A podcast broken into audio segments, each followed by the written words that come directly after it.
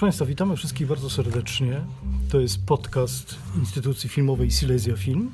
Dzisiaj, proszę Państwa, będziemy rozmawiać o tym, czym jest muzyka w filmie. Naszym gościem jest, proszę Państwa, naj, najbardziej odpowiednia osoba, jeżeli chodzi o ten temat. Zdecydowanie. Dziennikarka, reżyserka, muzykolog, chyba pianistka jeszcze. Pani Violetta Roter-Kozera. Bardzo nam miło. Dzień dobry, mnie również bardzo, bardzo miło. Powodem, proszę Państwa, do tego, że się spotykamy, jest książka, która okazała się całkiem niedawno na rynku. Proszę Państwa, Killer w bliskim planie to tytuł książki, która jest rozmowami z różnymi fantastycznymi nazwiskami, proszę Państwa. My skupimy się, jeżeli Pani Violetta pozwoli, na tym kręgu filmowym, ponieważ będziemy rozmawiali o tym, jak ci fantastyczni pani rozmówcy podchodzą do muzyki w filmie, jak podchodził główny bohater, czyli Wojciech Kilar.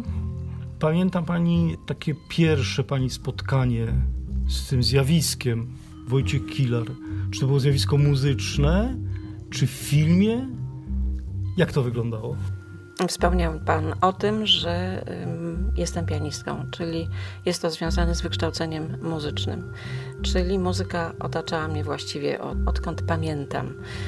Y, już w przedszkolu byłam zobowiązana do pewnych działań, ponieważ odkryto, że ten rozwój jest niejako mnie dany, jeżeli chodzi o pewne uzdolnienia muzyczne. I przyznam, że jeżeli chodzi o słuchanie muzyki pana Wojciecha Kilara, myślę, że to mm, miało miejsce bardzo wcześnie, ale było całkowicie nieuświadomione. Potem, jak chodziłam do szkoły, to oczywiście słuchałam tej muzyki, uczyłam się o Wojciechu Kilarze i zawsze dla mnie było to zjawisko takie komplementarne i trudno mi było to rozdzielić, jeżeli chodzi o jego działalność kompozytorską na tą czy na tą. Tym bardziej, że posługiwał się rozpoznawalnym stylem. Jeżeli słuchałam y, przypadkowo filmu, to tutaj świadomie mówię, słuchałam, ponieważ go nie widziałam, gdzieś obok słyszałam, że to jest y, muzyka, która oczywiście ilustruje dany film, no to jednak było to skojarzenie z panem Wojciechem, bo to był bardzo rozpoznawalny język, chociaż wcześniej sobie z tego nie zdawałam sprawy. To dopiero później przyszło y, w momencie no, pogłębiania kształcenia. A gdyby pani miała tak scharakteryzować, no oczywiście wszyscy wiemy, ja wiem o czym pani mówi, bo ja też rozpoznaję od razu, że to musi być killer, y, nawet jeśli nie widzę obrazu. Ale gdyby pani, jako fachowiec, ja jestem tylko słuchającym, bardzo często i bardzo dużo. Natomiast gdyby pani mogła powiedzieć, na czym polega urok Killara? Kompozytora oczywiście na razie. No właśnie na, na indywidualnym języku, na harmonii, na umiejętności pisania melodii, na odpowiednim, że tak powiem, dla siebie budowaniu napięcia, na odpowiedniej instrumentacji dla jego właściwego języka. To jest y, ten własny styl, który powoduje, że no mamy to poczucie na ogół harmonii e, i czegoś, co rzeczywiście płynie, ta, co jest to związane z taką odpowiednią, konkretną narracją muzyczną, e, z uproszczeniem języka, ponieważ kiedyś ten jego język muzyczny był bardziej skomplikowany, ale generalnie jest to e, melodyjność, to jest ulubienie, że tak powiem, pewnych interwałów, na pewno, tak jak wspomniałam, konkretnych, konkretnej instrumentacji, ale to jest zawsze różnorodne. To zawsze mimo wszystko zaskakiwało, mimo właśnie owego uproszczenia języka. Gdyby pani miała tak bardzo pokrótce zdefiniować, czym jest tak naprawdę dla pani muzyka w filmie? Bo są różne teorie. Każdy z pani rozmówców mówił w zasadzie o czymś innym. I każdy z tych rozmówców ma inne podejście do muzyki, właśnie ze względu na to, że coś nam jest dane lub nie. Jeżeli chodzi o muzykę, rzeczywiście jest to kwestia pewnej wrażliwości słyszenia, pewnej intu, intuicji i w sumie niewielu reżyserów coś takiego posiada. Niewielu reżyserów dobrze się zna na muzyce. To bardzo pomaga, ale czy muszą się znać? Nie. Nie muszą się znać. Muszą wiedzieć, co jest potrzebne w filmie, żeby osiągnąć konkretny efekt. I akurat ci twórcy, którzy tutaj się pojawili, znaleźli własną drogę do muzyki. W niektórych przypadkach niewiele o niej wiedząc, tylko po prostu na nią reagując, tak, a nie inaczej. Będąc też wielbicielami wielkiej Tak, muzyki. i to w zupełności wystarczy. Pewna wrażliwość, nasz odbiór, e, to, że jesteśmy zainteresowani właściwie takim szerokim spektrum muzycznym, to w jakimś stopniu to może nie jest właściwe słowo, ale jednak nas edukuje i bardzo wiele o nas mówi. Ponieważ to, że my jesteśmy tu, a nie gdzie indziej urodzeni, w tym europejskim systemie, w tych formach, które nam towarzyszą, czy chcemy, czy nie chcemy, jesteśmy tego mniej lub bardziej świadomi, to nas bardzo określa, kim jesteśmy. E, I ten system Durmol, to wszystko, co rosło przez wieki, nas też zbudowało w mniej lub bardziej świadomy sposób. I oczywiście najbardziej z tych wszystkich e, reżyserów, twórców e, świadomym reżyserem, twórcą był Krzysztof Zanussi, który wykonał mm, wielką pracę, mm, żeby pogłębić swoją wiedzę, ale to ta praca jest też związana z jego wspaniałą wrażliwością, wyjątkową wrażliwością i też intuicją muzyczną. Pewną też tradycją rodzinną, bo u Tak. niego w domu z racji włoskich korzeni, jak sam mówił, bardzo dużo włoskiej muzyki dominowało. Y, No właśnie, wspomniała Pani y, o Krzysztofie Zanussi. W tej książce, proszę Państwa, mamy rozmówców no absolutnie z pierwszej ligi. Bo oprócz świętej pamięci Kazimierza Kuca mamy Sławomira Idziaka. To jest bardzo ciekawe, jak operator mówi o muzyce w filmie. I mamy dwie postaci, do których pewnie ciężko było dotrzeć, a może nie, zaraz mi pani to powie. Fred Fuchs, proszę Państwa, to jest y, producent y, amerykański, hollywoodzki, taki typowy, typowy hollywoodzki producent, współpracujący z Francisem Fordem Coppolą. Y, I to on też w dużej mierze przyczynił się do tego, że, że muzyka Killera znalazła się w filmie Dracula. No i Roman Polański. I teraz, proszę Państwa, musimy powiedzieć, że to jest książka specyficzna i, i nie wiem, czy to nie jest trend, który, który mógłby się rozwinąć bardzo fajnie. Ponieważ tak, najpierw mieliśmy dokument, film dokumentalny o trochę skomplikowanym dla mnie y, tytule y, Wojciech Kilar między awangardą a Hollywood pokazujący właśnie tą drogę, o której, o której za chwilę powiemy. Y, No i proszę powiedzieć teraz, co się stało, ponieważ najpierw był film, tak? To wszystko wyniknęło z, ze wspaniałego zamówienia. Redaktor naczelny Polskiego Wydawnictwa Muzycznego, Daniel Cichy, zamówił u mnie tę publikację, to znaczy rozmowy z mm, osobami, nad którymi się jeszcze zastanowimy, e, tuż po śmierci, tuż po odejściu pana Wojciecha. Mm, I zapytał, czy podejmę się tego zadania. Ja się oczywiście e, ucieszyłam, że e, zrealizujemy takie przedsięwzięcie. Po jakimś czasie, kiedy już opracowywaliśmy listę, pan Daniel do mnie powiedział, ale przecież ty filmy robisz, to może przy tej okazji zrobiłabyś filmy. Ja mówię, oczywiście, że tak. No i cała ta sprawa stanęła, że tak powiem, w miejscu ze względu na czas trwania wszystkich zgód na właśnie fragmenty filmu. Ja się upierałam, no cóż tutaj się było upierać, to są oczywiste rzeczy. I to była walka. To była niestety walka, która trwała kilka lat. Niestety, podkreślam. I to pozycja, która miała się ukazać w 2014 roku, ta publikacja, a ukazuje się w sumie niedawno. A sam film y, miał swoją premierę w 2017 roku. No ale taka kolejność została przyjęta jako właściwa, jako jedyna słuszna i i no, absolutnie się tutaj zgadzam y, z y, redaktorem Cichym. Trochę mając wyrzutów sumienia, że to tyle trwało, ale to nie była moja wina, ale niestety tak, tak to się potoczyło. Czyli najpierw był film i przyznam, że e, przy wszystkich moich filmach dokumentalnych, jakie do tej pory realizowałam, najważniejsza jest rozmowa. To nie jest wywiad, to jest rozmowa. Rozmowa, w której o wielu sprawach rozmawiamy e, przez e, spory czas. To oczywiście nigdy nie ma znaczenia, że to jest długie czy krótkie. Istotna jest intensywność, istotna jest treść, o czym mówimy, co ktoś ma do powiedzenia. I teraz, jeżeli łączymy te wszystkie wypowiedzi, próbując nadać im pewien kierunek, właśnie dynamikę, narrację, e, dramaturgię, to jest to kwestia zawsze wyboru, czyli odrzucamy bardzo dużą część tych rozmów, która jest y, na ogół bardzo interesująca. I właściwie przy każdej z tych publikacji y, powinnam zrobić taki zapis wszystkich tych rozmów, y, żeby ukazać kontekst bo to jest też istotne, prawda? Z czego się to bierze. Sama propozycja Daniela Cichego, żeby poszło to w tą stronę, żeby to, to był ten kierunek, bardzo mnie ucieszyła, bo to właściwie jest cały czas ta sama droga w mojej pracy od wielu lat. E, mam bardzo dużo materiału, który mógłby być e, zarejestrowany, zapisany również i mógłby wnieść jeszcze więcej wokół, że tak powiem, filmowych elementów takich informacji, które pogłębiłyby e, zagadnienie, jakąś, jakiś temat. E, także z tego się bardzo ucieszyłam, zaczęłam to realizować. No i ta kolejność sprawiła, że dopiero niedawno przygotowaliśmy tę publikację dla naszych odbiorców. Bardzo ciekawa droga. Nie wiem, czy niektóre dokumenty nie powinny, znaczy filmy dokumentalne, czy nie powinny znaleźć swoje odpowiedniki teraz. To wszystko zależy od metody pracy. Pani udało się dotrzeć do, do Romana Polańskiego, który Mm, w moim odczuciu zaskoczył wszystkich tym, że Wojciech Killer pojawia się w jego zagranicznych filmach.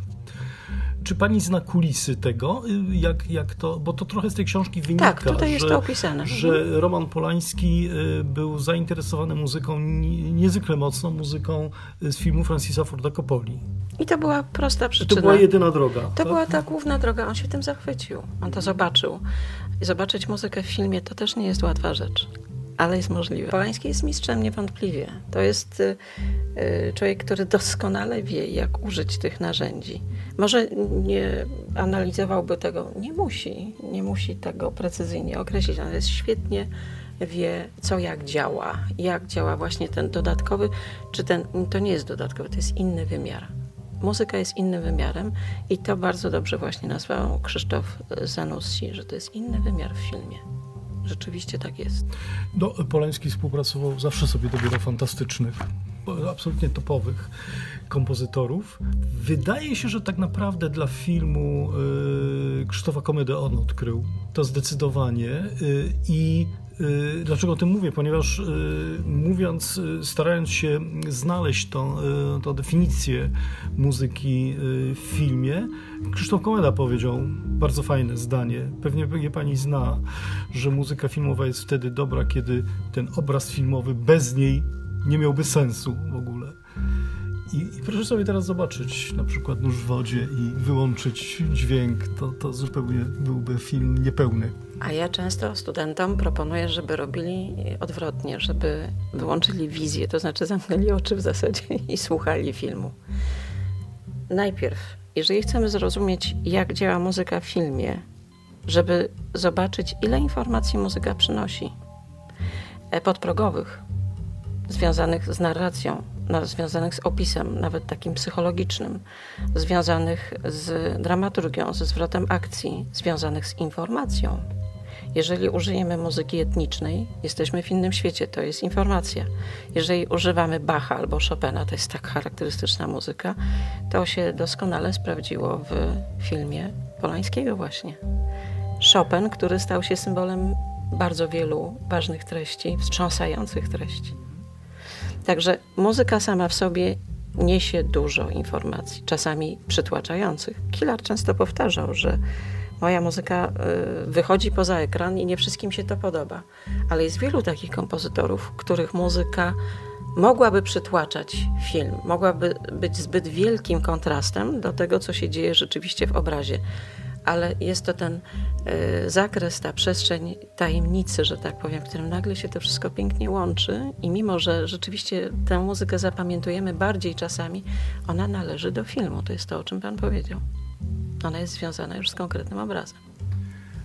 Aczkolwiek no, istnieje teraz od pewnego czasu taka nowa wartość w przestrzeni kulturowej, że ta muzyka, która została stworzona do filmu, ona przychodzi do sal koncertowych na przykład. Killer do tego podchodził bardzo sceptycznie, prawda?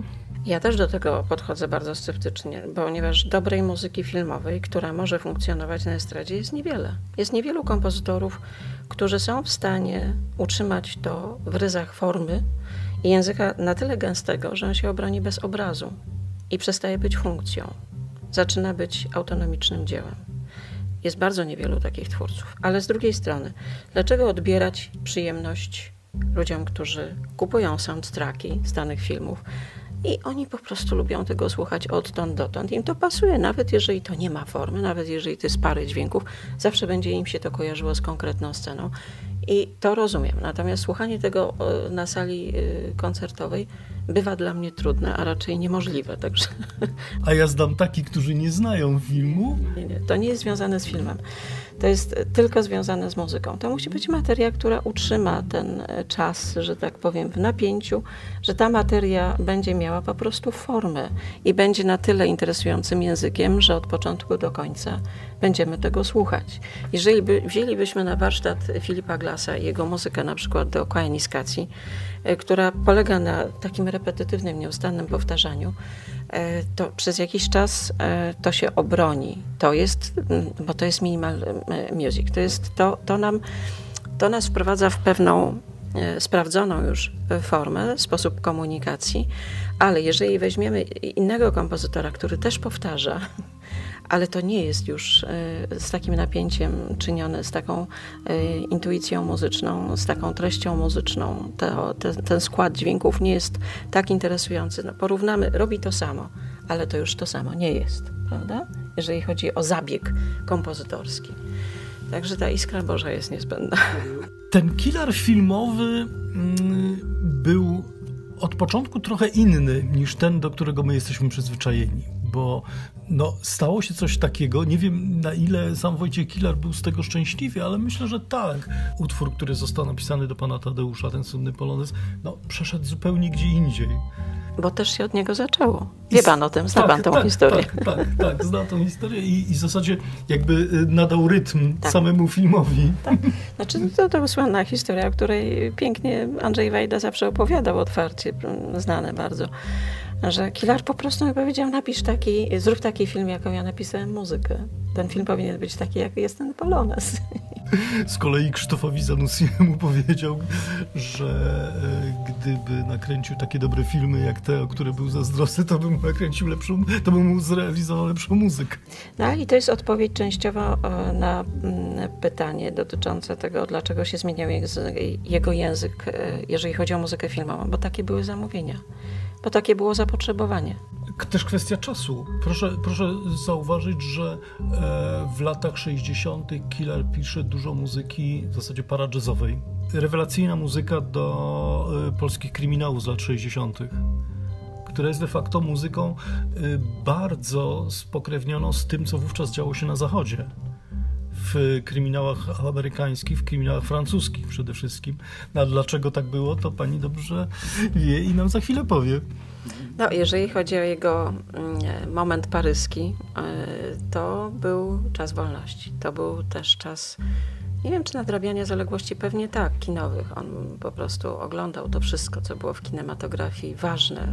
Wyrwał się z tego naszego dziwnego świata i on to wszystko y, przyswoił, y, a ponieważ jego muzyczna wyobraźnia też wymaga pewnego treningu, też wymagała rozwoju, y, to bardzo mu się to przydało i na pewno wykorzystał te doświadczenia. To, co zobaczył, jak muzyka funkcjonuje w filmie, w, i to z całą pewnością potem e, stosował. To, to był też e, twórca, który bardzo poważnie podchodził do tych zadań, mimo że o nich mówił z pewnym dystansem, ale on każde to zamówienie traktował z powagą. Ale zauważmy, że Killer był wówczas bardzo nowoczesny. Taki był czas i w filmie wyraźnie mówi o tym, że to był pewnego rodzaju rygor, że tak po prostu należało postępować. I w momencie, kiedy chciał zmienić język i zrobił to, bardzo się tego wystraszył, co mu intuicja podpowiada. Ale czy tu chodzi o już twórczość dla Kazimierza Kuca?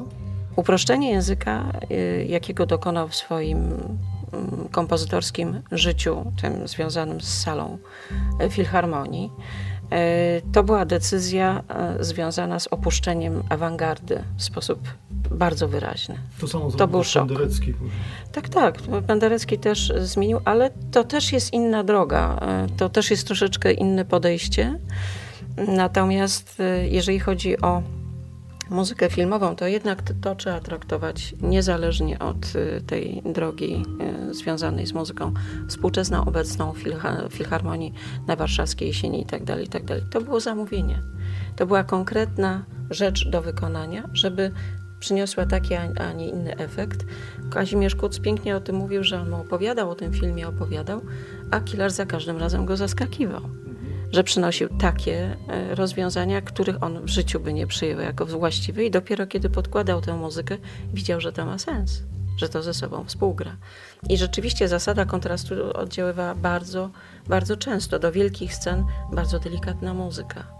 E, taka, która nawet e, dawała jakiś kontekst satyryczny, lekko zdystansowany do scen wydawałoby się smutnych ale ona przynosiła w związku z tym jeszcze większy, jeszcze większe oddziaływanie na widza. Ja zauważyłem fenomenalny efekt przy Soli Ziemi Czarnej, kiedy mamy szerokie plany. Wydawałoby się, że tutaj muzyka będzie potężna, a tu wchodzi piękna liryka, prawda? No właśnie o to chodzi. Zasada kontrastu. Zasada kontrastu, kontrapunktu. Y, tylko cała zabawa polega na proporcjach. Są twórcy, którzy powtórzą coś 16 razy i to będzie wspaniałe, ale są twórcy, którzy to zrobią 17 razy i to już jest nie do przyjęcia. Rzeczywiście, Pani zwróciła uwagę na fantastyczną rzecz, że my rozpoznajemy, że to jest killer, ale on jest trochę za każdym razem inny. No bo to jest bogactwo jego języka i cały czas mam taką świadomość, że gdyby był, przepraszam za to słowo, ćwiczony przez producentów y, filmów y, różnych, jeżeli chodzi o, gatunki, to jeszcze byśmy poznali jego możliwości. W moim odczuciu naprawdę nadzwyczajne, według mnie nieograniczone. Czy pani rozmawiała z Wojciechem Kilarem o jego twórczości hollywoodzkiej? Bo on przyjeżdża z Europy, ma bagaż ponad 100 filmów już wówczas, różnych, tak jak mówiłem, od jazzu przez fantastyczną muzykę, nazwijmy to poważną. I przyjeżdża do Hollywood gdzie pracuje się zupełnie inaczej. Nie pracuje się tak jak z Kazimierzem Kucem, czy tak jak z Krzysztofem Zanussim, którzy pozwalali na wszystko i w ogóle się w to nie wtrącali. E, przyjeżdża do Hollywood, gdzie system pracy jest zupełnie inny. Tam przy ścieżce dźwiękowej, przy ścieżce dźwiękowej pojawia się niezliczona ilość osób dodatkowych nagle. Co chyba zdziwiło w ogóle Wojciecha Killara niezwykle. Najbardziej zdziwiło go to, że są osoby, które chętnie mm, by instrumentowały jego mm, pomysły. Chętnie ze względu na to, że jest to rodzaj pracy. Tak się tam rzeczywiście tę pracę e, rozdziela. E, są liczne specjalizacje. E, I to go zdziwiło, ale także oburzyło. I słusznie, ponieważ wiemy jedno, że sposób, w jaki kompozytor instrumentuje, to też jest jego odcisk palca, to są jego linie papilarne. I tego nie zrobi ktoś lepiej od niego. Zrobi to inaczej, może być to ciekawe, to może, ale to nie ta wyobraźnia. Znamy w historii muzyki wiele działań, e, które przyniosły pewnym utworom e, sławę ze względu na to, że ktoś inny jest instrumentował. Ale dobrze byłoby wiedzieć, jakby to zrobił e, ten właściwy kompozytor, ten, który stworzył dany utwór, powiedzmy, kameralny mm, to zawsze mnie ciekawiło. To na pewno Wojciecha Kilara zaskoczyło. Rozmawialiśmy o tym, ale no, nie ukrywam, że nigdy nie było to takim najważniejszym tematem w naszych rozmowach. Dlaczego? Dlatego, że w tej materii on naprawdę powiedział wszystko. W momencie, kiedy to się działo, ja byłam trochę za mała, że tak powiem. W momencie, kiedy się spotkaliśmy, to moja wiedza już na ten temat była pełna, bo się tego dowiedziałam, przeczytałam. To wszystko było bardzo interesujące. I jak często się przygotowuje i realizuje filmy o różnych osobach, przygotowuje e, się na podstawie tego, co jest dostępne Mm, czy to są filmy, czy to jest jakaś dokumentacja prasowa, czy to są publikacje, nieważne. Wszystko trzeba przejrzeć, żeby się dowiedzieć. Jedno, czego nie wolno robić, yy, moim zdaniem, bohaterom, to mówić ciągle o tym samym. Musimy szukać ścieżek, w których znowu kogoś czymś zainteresujemy.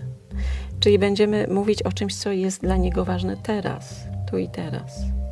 E, I są pewne rozdziały zamknięte, i część bardzo znanych osób zrzyma się na dziennikarzy i ja to rozumiem dlaczego. No bo nie chce im się ciągle w kółko powtarzać tego samego. Albo znowu mówić o tym, co było 50 lat temu. Tak, też, to też to jest. Jesteśmy w innym punkcie, prawda? Jeżeli powstają publikacje, które oceniają niejako y, człowieka z punktu widzenia, że tak powiem, różnych etapów i jest to zaznaczone, że to powstało wtedy, wtedy, to jest ok. Ale jeżeli robi się taką kompilację i mówi się nam, że to jest tu i teraz, y, czyli zestawia się wypowiedzi danego artysty z różnych lat i daje się nam to jako status quo dzisiaj, to to jest nie w porządku, bo to, to jest nieprawda. Tu mamy do czynienia już z innym człowiekiem. A czy zetknęła się Pani, yy, mówię tutaj o zagranicznym odbiorze, yy, z teorią albo odbiorem trochę kontrowersyjnym chyba, tak mi się wydaje, z naszego punktu widzenia, to znaczy przyjmowanie Wojciecha Kilara mimo wszystko bardziej jako kompozytora filmowego. Dla mnie nie jest to kontrowersyjne, dla mnie jest to absolutnie zrozumiałe, dlatego że y, zawsze, jeżeli chodzi o ten odbiór muzyki współczesnej, on jest mniejszy. On dotyczy pewnego grona osób. Y, I mamy tutaj pewne wyrwy, że tak powiem, związane również z sytuacją polityczną, społeczną. E, kiedy w 1956 roku e, pojawiła się na firmamencie w ogóle muzyki współczesnej Warszawska Jesień, kiedy część obserwatorów, którzy mogli w ogóle się pojawić, przyjechali, przyjechało do Polski, oni się zachwycili naszą muzyką. Oni nic o nas nie wiedzieli. Oni twierdzą do dzisiaj, że w tej muzyce jest treść. To nie jest tylko i wyłącznie forma, to nie jest zabawa konwencją, to jest treść. Mimo, że mamy do czynienia z muzyką instrumentalną nie używamy żadnego słowa, nie używamy żadnego programu. Tu się coś dzieje. To nie jest kombinowanie z systemem, żeby się go pozbyć i stworzyć coś nowego, tylko to jest in, jakaś inwencja własna w oparciu o to, co już mamy, tworzenie czegoś nowego lub próba stworzenia czegoś zupełnie od podstaw, ale tak jak mówię, z treścią. I w wypadku mm, y, tej recepcji, muzyki, no z czym mamy do czynienia? To często powtarzam. Szymanowski dopiero teraz jest odkrywany tak naprawdę. A zmarł w 1937 roku. No to musimy dać trochę czasu. Y, tak samo było z innymi y, naszymi kompozytorami. Y, z innymi kompozytorami w ogóle, którym trzeba dać czas na to, żeby ta recepcja nastąpiła, żeby ten świat się nimi zachwycił pod jednym warunkiem, że to do nich dotrze. I w pewnym momencie stało się coś takiego, że dotarło w przypadku Pendereckiego. Jak pani pamięta, Polimorfia, utwór bardzo stary, nagle powrócił.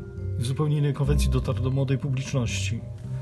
Ale to też cały szereg znakomitych zabiegów, jeżeli chodzi o tą umiejętność przekazania, e, kim Krzysztof Penderecki jest. To jest jego wielkie osiągnięcie. On jakby był obywatelem świata od właściwie samego początku od momentu, kiedy napisał pasję, kiedy ta pasja się pojawiła w zachodnim świecie, zrobiło się głośno o Pendereckim, on stworzył własną indywidualną ścieżkę, w którym to wszystko, co robił, zaczęło być bardzo, bardzo interesujące dla świata, inspirujące.